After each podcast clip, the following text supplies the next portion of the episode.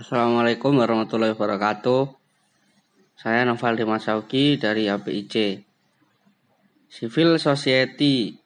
Jika dilacak genealogi sejarah konsep civil society sudah dibahas ketika manusia dan masyarakat menjadi fokus utama pikiran Yunani yang memunculkan gagasan samar tentang masyarakat sipil Socrates, Plato, dan Aristoteles menganggap masyarakat sipil sebagai masyarakat yang baik, di mana ada keadilan, rasionalitas, keberanian, dan kebijaksanaan. Pada masa ini, civil society dipahami dengan sistem kenegaraan yang menggunakan istilah koinonia politika, yakni sebuah komunitas politik atau tempat dan wadah bagi masyarakat untuk dapat terlibat langsung dalam pengambilan keputusan negara. Dalam konteks politik, masing-masing warga negara memiliki kedudukan yang sama di depan hukum.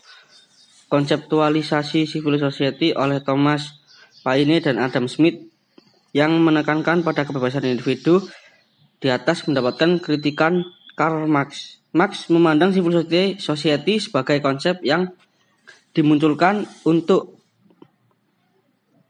melanggengkan basis produksi kaum kapital. Lebih parah, Marx ya, yakin bahwa posisi negara dalam konsep civil society hanyalah sebagai legitimasi kepentingan pemodal.